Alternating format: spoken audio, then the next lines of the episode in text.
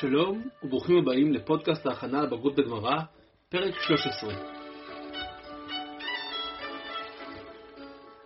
בפודקאסט הזה נלמד את הגמרא בזרימה, בהנאה ובכיף. אתם יכולים להכין משהו לשתות, לפתוח גמרא ולהצטרף לספורט היהודי העתיק ביותר, לימוד גמרא בכיף.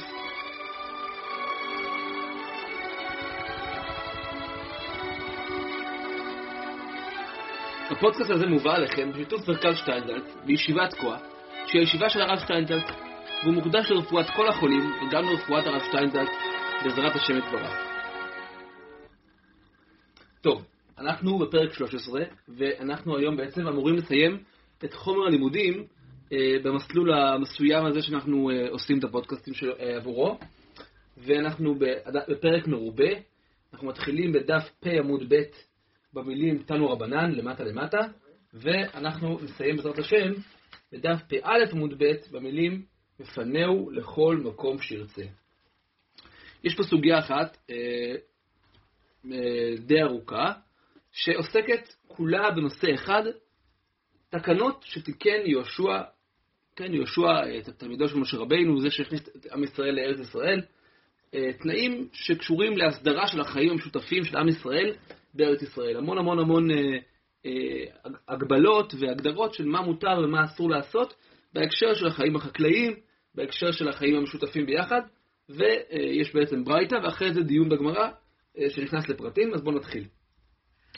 תנו רבנן, עשרה תנאים התנה יהושע, כן, עשרה תנאים ניתנה יהושע, כלומר, כשיהושע מכניס את, אה, את היהודים לארץ ישראל, הוא מתנה איתם תנאים, כלומר, כל הנחלה הזאת, כל ה... הוא מנחיל אותם את ארץ ישראל, על דעת זה הם כאילו מסכימים לכל התנאים האלה מראש. זה מין אמנה חברתית כזאת, שכל uh, מי שנוכל את הארץ, כל השבטים שנוכלים את הארץ, מסכימים לכללים האלה. בעצם, יש פה כללים שחלק מהם ככה uh, מסבירים פה, הם בעצם לפנים משורת הדין. משהו שהוא, שאנשים מאפשרים דברים שלפי שורת הדין לא, היו, לא היה אפשר לאפשר אותם, אבל יהושע מראש אה, אה, אומר שאנחנו מקבל, כולם מקבלים על עצמם את הדברים האלה, וככה יהיה אפשר בעצם לנהל חיים משותפים יותר, אה, יותר בנוחות, יותר באחווה. אז הדבר הראשון, שיהיו מראים בחורשים. כן? מותר ל, ל, ל, ל, לראות את הבהמות בחורשים, בחורשות, יערות קטנים, שאפילו הם שייכים לאנשים, ובעל היער לא יכול להקפיד על זה. זה הדבר הראשון. ומלקטים עצים בשדותיהם, מותר ללקט עצים בשדות של אנשים אחרים, ובעל השדה לא יכול לעכב. כן? כבר רואים שתי דברים שבעצם מותר להיכנס לשדה של מישהו אחר ולהשתמש בה באופן מסוים. ומלקטים עשבים בכל מקום, מותר ללקט עשבים בכל מקום, אפילו בשדה של מישהו אחר, חוץ מטילטן. טילטן זה סוג של עשב, אה, וטילטן, תכף הגמרא תדבר על זה, אבל פה זה נראה לפי הפשט שטילטן אי אפשר ללקט, טילטן זה כנראה עשב אולי עשב יקר או עשב מיוחד, לכן אי אפשר אה, ללקט טילטן. הגמרא תסביר את זה באופן טיפה אחר, אז אה, אה, נראה בהמשך. וקוטמים נטיעות בכל מקום, כן, מותר לקטום נטיעות, לקח, לחתוך אה, ענפים צעירים, להשתמש בהם בשביל לטוע עצים חדשים, בעצם לקחת ענפים לשדה שלי ולטוע אותם, חוץ מגרופיות של זית, חוץ מעצים של זית, כנראה שזה לא... זה לא טוב לעץ זית. ומעיין היוצא בתחילה, בני העיר מסתפקים ממנו. כלומר, מעיין שמתחיל פתאום לצאת בשדה של מישהו אחד, בעל השדה לא יכול להגיד, זה המעיין שלי, אלא כל בני העיר משתמשים ממנו, מסתפקים, מסתפקים בו, כלומר, מעיין שייך לכולם. שימו לב, כל האווירה של כל הכללים האלה זה שהקניין הפרטי של בן אדם הוא לא מעל הכל. כלומר, בתוך המסגרת של השדה של מישהו, עדיין מותר לעשות כל מיני דברים למרות שזה שטח פרטי של מישהו. מותר לי ללקט, מותר לי להראות, מותר לי לקטום, מותר לי לקחת מהמים. אה, זה הכללים של יהושע. מה עוד? הוא מחכין בימה של טבריה. מותר לדוג בים של טבריה, למרות שהים של טבריה שייך רק לשבט נפתלי, כמו שנראה בגמרא בהמשך, לכל היהודים, כן, הכנרת שייכת לכולם. אה, כולם יכולים אה, לדוג, ב... מחכים הכוונה אה, אה, לדוג עם חכות בטבריה, ובלבד שלא יפרוס קלע ויעמיד את הספינה. יש פה שתי מתודות של דייג שהן כבר דייג מסחרי, וזה אסור אה, למי שהוא לא חלק מהנחלה שם, למי שהוא לא משבט נפתלי.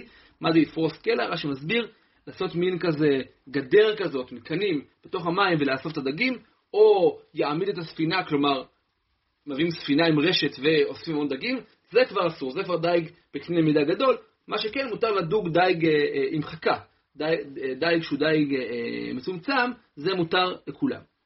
ונפנים לאחורי הגדר, כן, מותר להתפנות, אה, אה, לעשות את הצרכים לאחורי גדר של שדה של מישהו אחר, ואפילו בשדה מלאה כרכום, אפילו בשדה שמלאה בכרכום, ומהלכים בשבילי הרשות עד שתרד רביעה שנייה, כלומר, מותר לי ללכת בשבילים פרטיים בתוך השדות, למרות שאני עלול טיפה אה, אה, לרמוס חלק מהגידולים, עד שתרד רביעה שנייה. רביעה שנייה זה ה, אה, הג, המערכת הגשם השנייה, שבאה פחות או יותר ב, בשליש השני של החורף, אז אה, בעצם כבר הזרעים מתחילים לגדול, ואז אני יכול להזיק לגידולים, לכן אז כבר אסור. אבל עד הרביעה השנייה, מותר לי להלך בשבילים של הרש...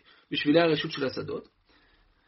עוד דבר, ומסתלקים לצדי הדרכים מפני יתדות הדרכים, כן? אני הולך בדרכים ויש יתדות, יש בליטות, יש דברים שמפריעים לי ללכת, אני יכול ללכת בצד הדרך, שזה כבר האזור של השדה, מותר לי ללכת על זה, והטועה בין הכרמים, אדם שטועה, אה, איבד את דרכו בין הכרמים, מפסג ועולה, מפסג ויורה, מותר לו לחתוך, ככה להזיז הצידה את הענפים של הכרמים כדי אה, למצוא את דרכו, שוב, על חשבון הכרמים.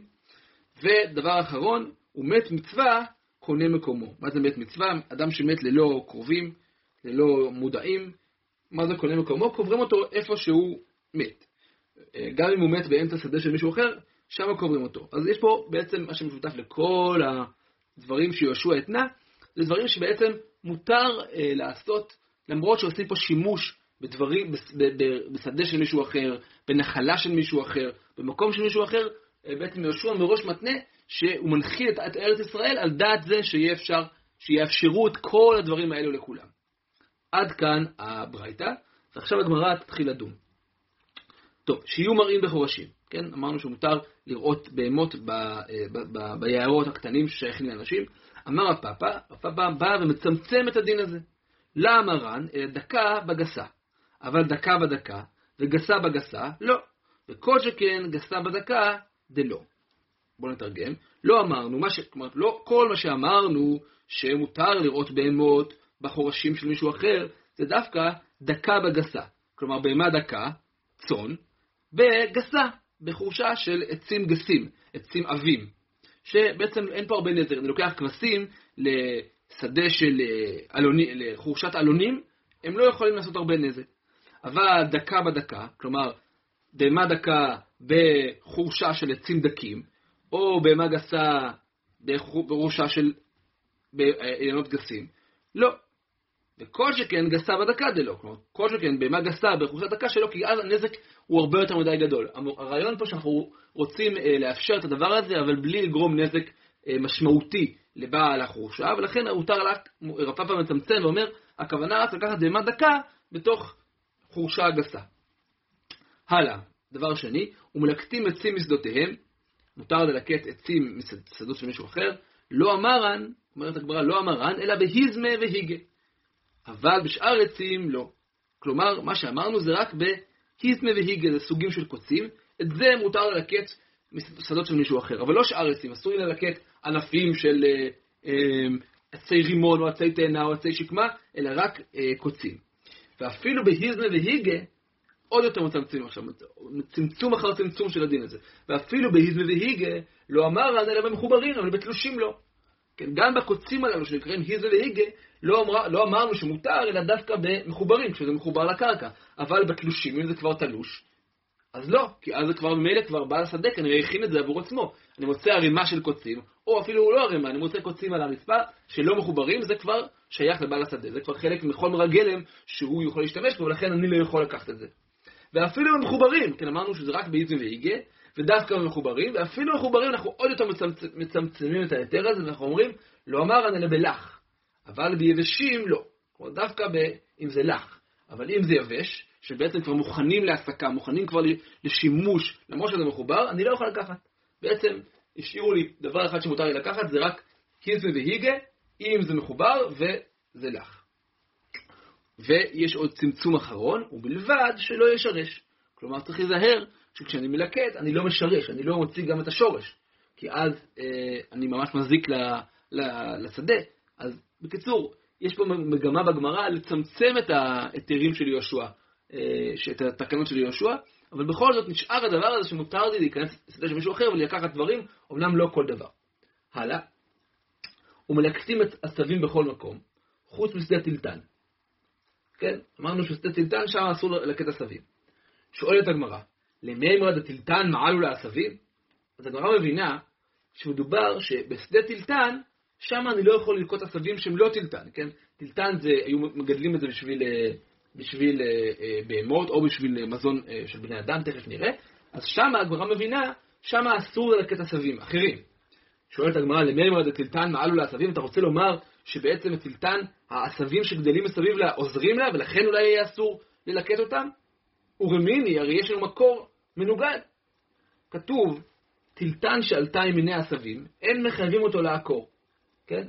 אם יש אה, טילטן, ועולים יחד עם אה, כל מיני עשבים אחרים, אני לא חייב לעקור את זה משום כלאיים. כלאיים זה דין של אסור לערב אה, גידולים ביחד, ואם יש כלאיים חייבים לעקור, אבל לגבי טילטן ושאר עשבים כתוב שלא צריך לעקור. למה? מה זה מוכיח לנו? זה מוכיח לנו שבעצם העשבים האלה הם לא עוזרים לטילטן, להפך, הם מזיקים לטילטן, אני לא רוצה בקיומם, ולכן אני לא עובר על זה משום כלאיים, אני לא צריך לעקור את זה, כי אני לא מעוניין בזה.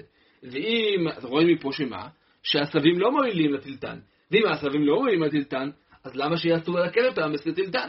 כלומר, יש פה אה, השוואה בין כלאיים לבין האפשרות ללקוט את העשבים. אנחנו רואים שהעשבים לא מועילים לטילטן, אז למה אסור ללקט?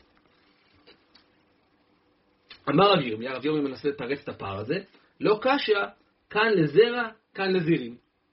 לזרע קשו לעשבים, דמכחה שלה, לזירין מעללה.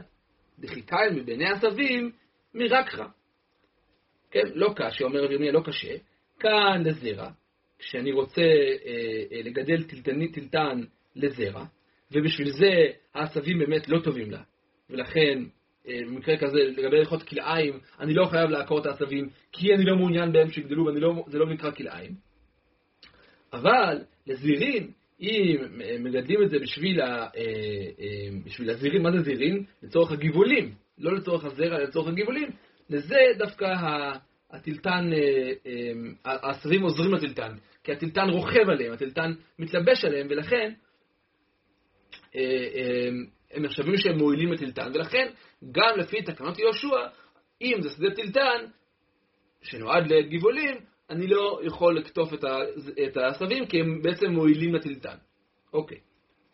אי בית אימה, כן, תירוץ נוסף, כאן לאדם, כאן לבהמה. דכיוון דבהמה ודזרע, עשבים נמי מבעילה. כלומר, תירוץ יותר פשוט. מה שאמרנו שהעשבים לא עוזרים לטילטן, זה כשהטילטן נועד לבני אדם. כשנועד, שדה טלטל שנועד לשימוש אנושי, זרעים, העשבים האחרים לא עוזרים לזה.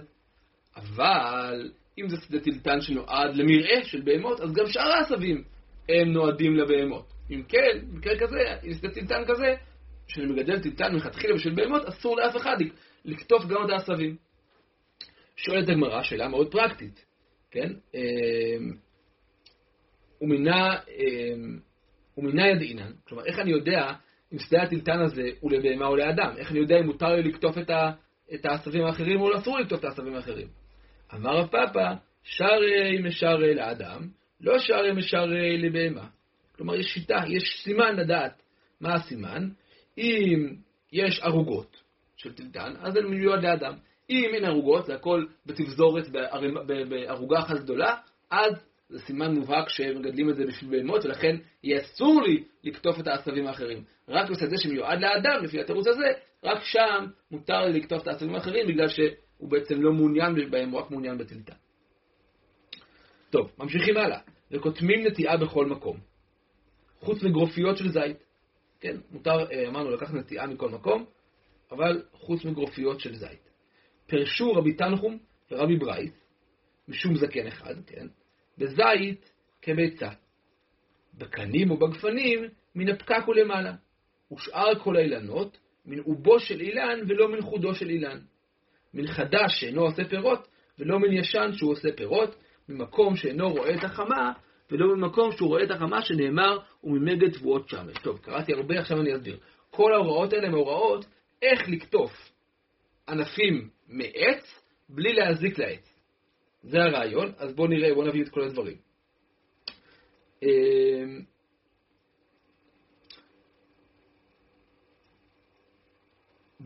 בזית, אה, אה, הרבי תנחום והביברייס בשום זקן אחד, אמרו שמה שהתירו לקטום נטיעה באילן, התירו רק אם הוא משאיר בזית לפחות גודל של ביצה בלמטה, ליד הגזע.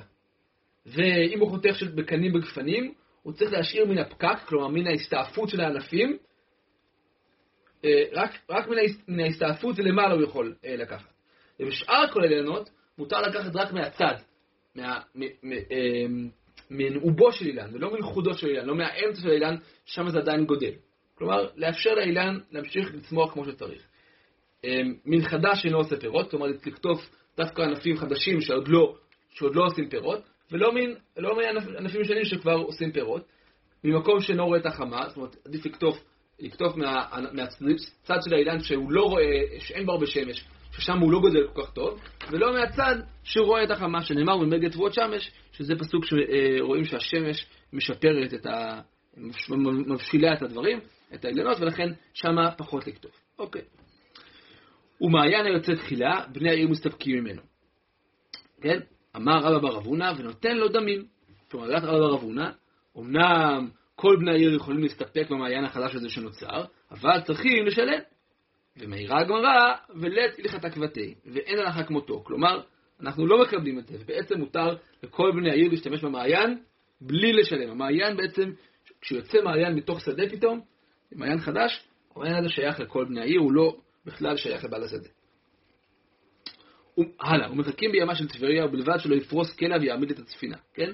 אמרנו, מותר דייג של חכה ואסור דייג מסיבי של קלע או של ספינה עם אה, רשת. אבל צד הוא ברשתות ובמכמרות. מה הכוונה?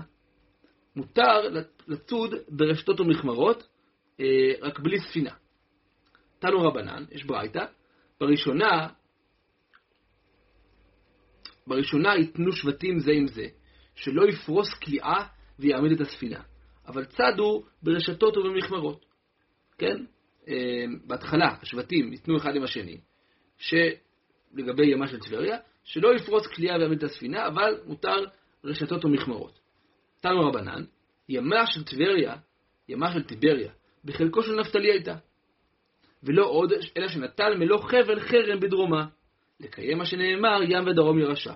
כלומר, הים של טבריה, כלומר הכנרת, היא בחלקו של שבט נפתלי, ולא רק זה, אלא שהוא קיבל גם מלוא חבל חרם, כלומר, מלוא חבל אורך של חבל של, של מצודת דגים, של, אה, אה, של אה, מכמורת דגים, בדרום של הים, כדי שבעצם יוכל לדוג מכל הצדדים. נפתלי קיבל את, ה, את כל זכויות הדייג בכנרת, שנאמר ים ודרום ירשע, גם הים וגם קצת מהדרום, אז בעצם מכל הצדדים נפתלי יכול לקבל את, ה, את זכויות הדייג, אבל כמו שאמרנו, שאר השבטים יכולים ברשתות ומכמרות או בחכה. טניה, ברייתא, היות שדיברנו עכשיו על נחלת הארץ, יש פה כמה ברייתות מעניינות לגבי אה, נחלת הארץ. רבי שמעון בן אלעזר אומר, תלושים שבהרים, בחזקת כל השבטים הם עומדים, ומחוברים בחזקת אותו השבט. כלומר, אם אני מוצא עצים תלושים בהרים, אז בחזקת כל השבטים, כל אחד יכול לקחת. גם, למרות שהערים האלה שייכים לתוך העניין, נניח אנחנו בהרי נפתלי, או בהרי אה, אה, יהודה, כל השבטים יכולים לקחת דברים שהם תלושים. ומחוברים בחזקת אותו השבט, עצים שהם מחוברים, שייכים לאותו שבט ששם הם נמצאים. ואין לך כל שבט ושבט בישראל שאין לו בהר או בשפלה או בנגב או בעמק. כלומר, לכל שבט בעצם יש גם קצת הר, גם קצת שפלה, גם קצת נגב, גם קצת עמק. נגב הכוונה לא דווקא אזור הנגב, אלא אזור חם, אזור אה, אה, עם הרבה שמש, אבל אה, בעצם כל הנחלות יש בהם כמה אזורי אקלים, גם הר, גם שפלה, גם נגב, גם עמק, שנאמר, פנו וסעו לכם ובואו הר האמורי ולכל שכניו בערבה, בהר, בשפלה ובנגב ובחוף הים וגומר. וכן אתה מוצא בכנענים ובפרזים ובאמורים שלפניהם, שנאמר ולכל שכניו, על מה שכנם האחי יאהבו. כלומר, גם לכנענים ולפרזים שהיו לפני עם ישראל, גם להם היה את כל האזורים האלה בכל הנחלות שלהם. וזה עבר גם ליהודים, ולכן בעצם לכל השבטים יש את כל האזורים. טוב. אנחנו עוברים לדבר הבא ברשימה, ונפנים לאחורי הגדר. ואפילו בשדה שמלאה כרכום, כן, מותר אה, להתפנות לאחורי הגדר, אפילו בשדה שמלאה כרכום. אמר רב אחא בר יעקב, לא נצרכה אלא ליטול ממנו צרור. כלומר, החידוש פה זה לא רק לגבי זה שמותר אה, לעשות את הצרכים, שזה כנראה אה, מובן מאליו, אלא מותר גם לקחת צרור. מה זה צרור? חתיכת אבן קטנה, שהיו אבן או, או אדמה בשביל לקנח, בשביל לנגב. אמר רב חיסדא ואפילו בשבת.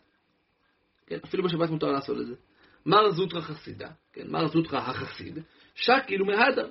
הוא היה לוקח ומחזיר. הוא היה חסיד, בעיקר, החסידות שלו התבטאה בין השאר בדקדוק מאוד גדול בממון של אנשים אחרים שלא לגנוב, והוא היה לוקח צרור, הוא היה גם מחזיר אותו.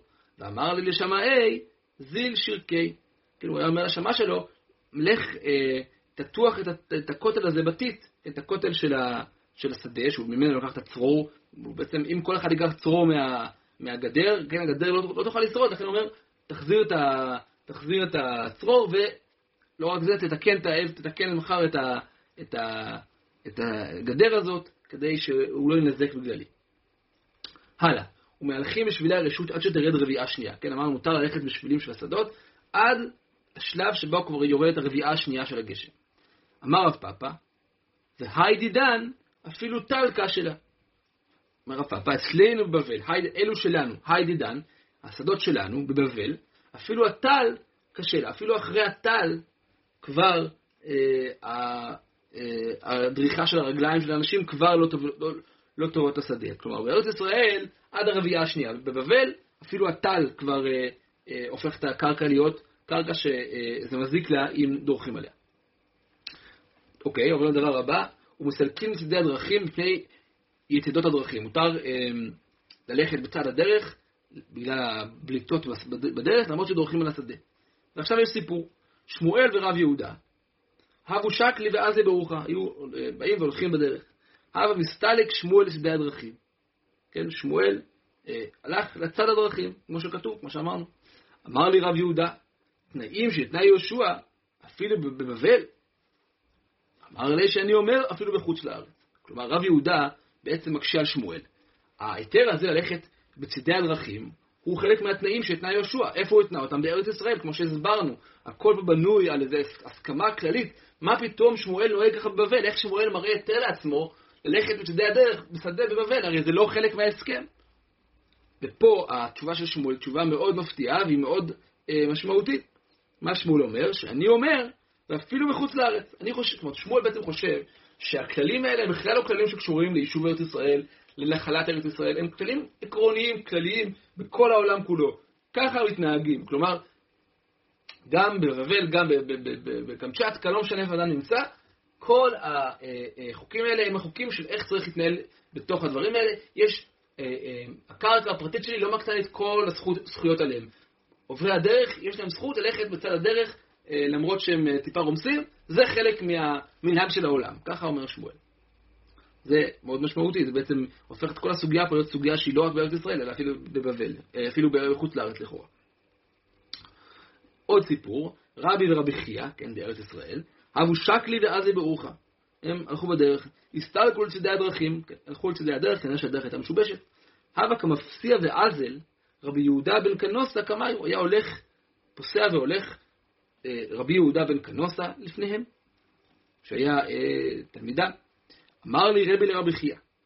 כן, סליחה, אז, אז, אז אה, רבי יהודה בן קנוסה, הוא בעצם לא הלך בצדי הדרכים, הוא המשיך ללכת באמצע, והוא אה, אה, נגרר אחריהם ככה, מנסה להדביק אותם, אה, כי הוא הולך בעצם בדרך הקשה, בדרך באמצע, כי הוא לא רוצה לסמוך על ההיתר וללכת בצדי הדרכים. אמר לי רבי לרבי חייא, מי הוא זה שמראה גדולה בפנינו? כן? מי זה היהודי הזה, מי זה התלמיד הזה, שמרשה לעצמו להתנהג באיזה חומרה כזאת בפנינו, זה לא כבוד. כשהרבנים נוהגים בצורה מסוימת, יש דבר שנקרא יוהרה, כן? אדם שמתחיל לנהוג במנהגים, אה, מנהגי חומרה והידור אה, דקדוקים מיותרים, בפרט כשגדולי הדור אה, לא מקפידים עליהם, יש לזה יוהרה. אז מי זה התלמיד הזה שמראה גדולה בפנינו? כן, רבי מקפיד עליו. אמר לי רבי חייא, שם הרבי יהודה בן קנוסה תלמידי הוא, וכל מעשיו לשם שמיים. כן, רבי חייא מגונן עליו ואומר, כנראה שזה רבי יהודה בן קנוסה, התלמיד שלי, והוא לא עושה את זה לשם יוהרה, פשוט כל מעשה לשם שמיים. כמעט ולגבי, כשהגיעו אליו, חזיה, ראו אותו, אמר לי, כן, רבי אומר לו, אילב יהודה בן קנוסה את גזרינו לשכח בגזרה לפרזלה. אילולא אתה, יהודה בן קנוסה, ש, שאמרו לי עליך דברים טובים, אני הייתי גוזר עליך, יש פה ביטוי, אה, לשכח בגזרה לפרזלה, לשים את הרגליים שלך בתוך, שר, אה, לנס, אה, לנסר את הרגליים בברזל, נראה לי זה הכוונה. בואו נקרא שנייה עם... אה, מה בדיוק הביטוי? חותך את שוקיך במסור של ברזל. אוקיי. כמובן, כמובן הכוונה היא להחרים, הייתי מחרים אותך, אילולי אה, שאתה עושה את זה לשם שמיים.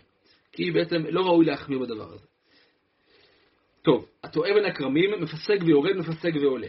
כן, אמרנו מישהו בין הכרמים, הוא יכול להזיז את הענפים הצידה, להוריד, עד שהוא מוצא את דרכו. תנו רבנן, הרואה חברו טועה בין הכרמים.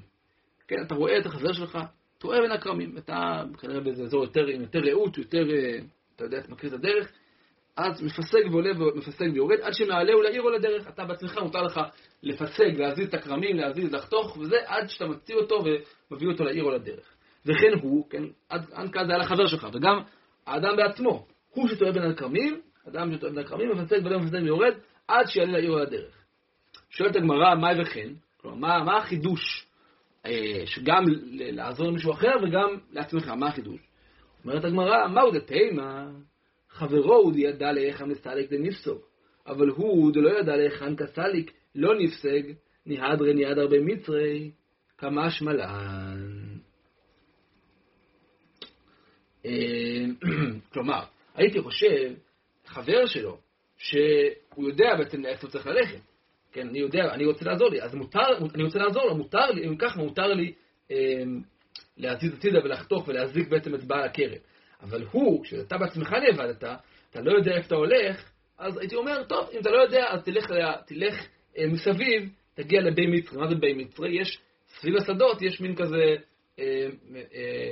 מין שביל היקפי כזה, סביב השדות, שזה מה שמבדיל בין השדה לשדה, זה נקרא המצרים של השדה, הגבולות של השדה, ושם הוא יצליח למצוא את הדרך, לא, לא, לא נרשה לך ללכת דרך הכרמים, אם אתה בעצמך בכלל לא בטוח שאתה יודע מה הדרך הנכונה. אמ, שואלת הגמרא, הדאורייתא הוא. כלומר, למה צריך את התקנה המיוחדת שמותר לי לעזור לחבר שלי שטועה בין הכרמים? הדאורייתא זה, זה מצווה מהתורה, זה טניה. השבת גופו מניין. כן, איך אני יודע שיש מצווה להחזיר, לעזור למישהו למצוא את דרכו, כן? תלמוד לומר והשבותו. כן? יש פה לימוד, כלומר, לא רק שצריך להחזיר, יש דבר כזה שנקרא השבת אבדה, שאני מחזיר למישהו משהו נאבד. מהמילה והשבותו, כתוב והשבותו לא, והמילה והשבותו אנחנו מדייקים שיש גם מצווה להחזיר את הבן אדם לעצמו, כלומר, אם אדם נאבד, לא רק שאני מחזיר אבדה רגילה, כי אדם מאבד את הכובע שלו, אני צריך לעשות את הכובע שלו, אלא גם אם אדם מאבד את עצמו, כלומר, אדם נאבד, אני חייב להחזיר, לעזור לו לצאת. אז מה החידוש? הגמרא, דאורייתא הוא דקאי במצרי. המצקר של התורה זה שאדם עומד בין המצרים, באזור שלא מזיק לבעל הכרם, הוא עומד בגבולות של השדה, ושם אני צריך לעזור לו. איך אני יודע אה, אה, שצריך גם, אה, שאפשר גם לפסק, אפשר גם לחתוך? בשביל זה יש את התקנה של יהושע. כלומר, הרובץ של התורה, של הדאורייתא, רק מאפשר לי לעזור לו בלי לפסק ולרדת, לפסק ולעלות. יהושע תיקן שאני יכול לעזור לו, אה, לעזור לו למצוא את דרכו גם על ידי אה, מפסק ועולה, מפסק ויורד, ולהזיק קצת לפחות לבעל הכרם. הלאה, דבר אחרון, הוא מת מצווה קנה מקומו. כן, מת מצווה, הוא קנה את המקום שלו וקוברים אותו איפה שהוא נקבר. ורמיני, שואלת הגמרא, יש מקור, הוא מנוגד. המוצא מת מוטל באסטרטיה. אני מוצא מת שמוטל באסטרטיה. אסטרטיה זה אה, דרך, בכביש הגדול. מפנהו לימין אסטרטיה או לשמאל אסטרטיה. כן, אני מפנה אותו לימין או לשמאל. שדה בור ושדה ניר. אם אני, אם אני אה, יש, יש לי או, אני יכול לפנות אותו או לשדה בור, שדה שלא מעובדת, או לשדה ניר, שדה שהיא חרושה, מפנהו לשדה בור. שדה ניר ושדה זרע, יש לי שדה ניר, שדה חרושה, או שדה זרע, שדה שכבר זרעו בה, מפנהו לשדה ניר. כלומר, אני מעדיף תמיד את האופציה הכי פחות גרועה. היו שתיהן בורות, שתיהן נירות, שתיהן זרועות, מפנהו למקום שירצה. אם אין הבדל בין המקומות, אז אני יכול לאן שאני ארצה. בכל מקרה, מה רואים פה? שאני לא קובר את המת מצווה בדיוק איפה שמצאתי אותו. אם זה בסטרטיה, אני מזיז את זה לימין או לשמאל. אם זה לשדה, אני יכול לבחור לאיזה שדה. אז זה לא כמו שכתוב בתקנת יהושע, שקובעים אותו ממש איפה שהוא נמצא. אמר רב דווי, במוטל על המצר. מדובר, מה שאמרנו שיכול להזיז אותו ולהחליט לאן לאן, מדובר שהוא מוטל, המת נמצא מוטל על המצר, בדיוק בגבול של השדות, ששם הרי אי אפשר להשאיר אותו, מתוך שניתן לפנותו, אותו לכל מקום שירצה. אם הוא, אם הוא נמצא בתוך השדה ממש, קוברים אותו בדיוק איפה שהוא נמצא, לא מזיזים אותו מילימטר. אבל אם הוא מוטל על המצר, אז ממילא מותר לי להזיז אותו. אם מותר לי להזיז אותו, אני יכול להחליט לאן כדאי, לאן אופטימלי להזיז אותו. אז עד כאן הדיון הראשוני, ועד כאן הסוגיה שאנחנו נלמד היום, הדיון הראשוני בכל התקנות של, של יהושע, שרובם, או כולם בעצם, מאפשרות לאנשים להשתמש באופן יותר חופשי בדרכים, בשדות, בחורשות. אולי יש פה איזה משהו כזה שהופך את כל ארץ ישראל להיות משהו יותר...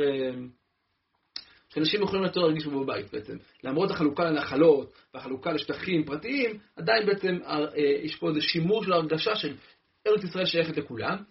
אה, היה לנו כל מיני דיונים, חלק מהדיונים היו דיונים שניסו לצמצם את הדיונים, בעיקר סביב הענפים והזרעים והעשבים. אה, היה לנו דיונים לגבי נחלת ארץ ישראל לשבטים, לגבי מה של טבריה, והיה לנו משהו מאוד חשוב, שזה שמואל שבעצם אומר שהכללים האלה לא כללים אה, נקודתיים בארץ ישראל, הם כללים שייכים גם בחוץ לארץ, גם בכל העולם. אה, אה, זהו, זהו להיום. על פניו סיימנו את כל חומר הלימודים, לפחות בתוכנית הזאת, יכול להיות שאנחנו נמשיך לפרקים נוספים לפי תוכניות אחרות. אני מקווה שנהניתם, ובהצלחה גדולה מאוד בבגרות, ותמשיכו ללמוד. ביי.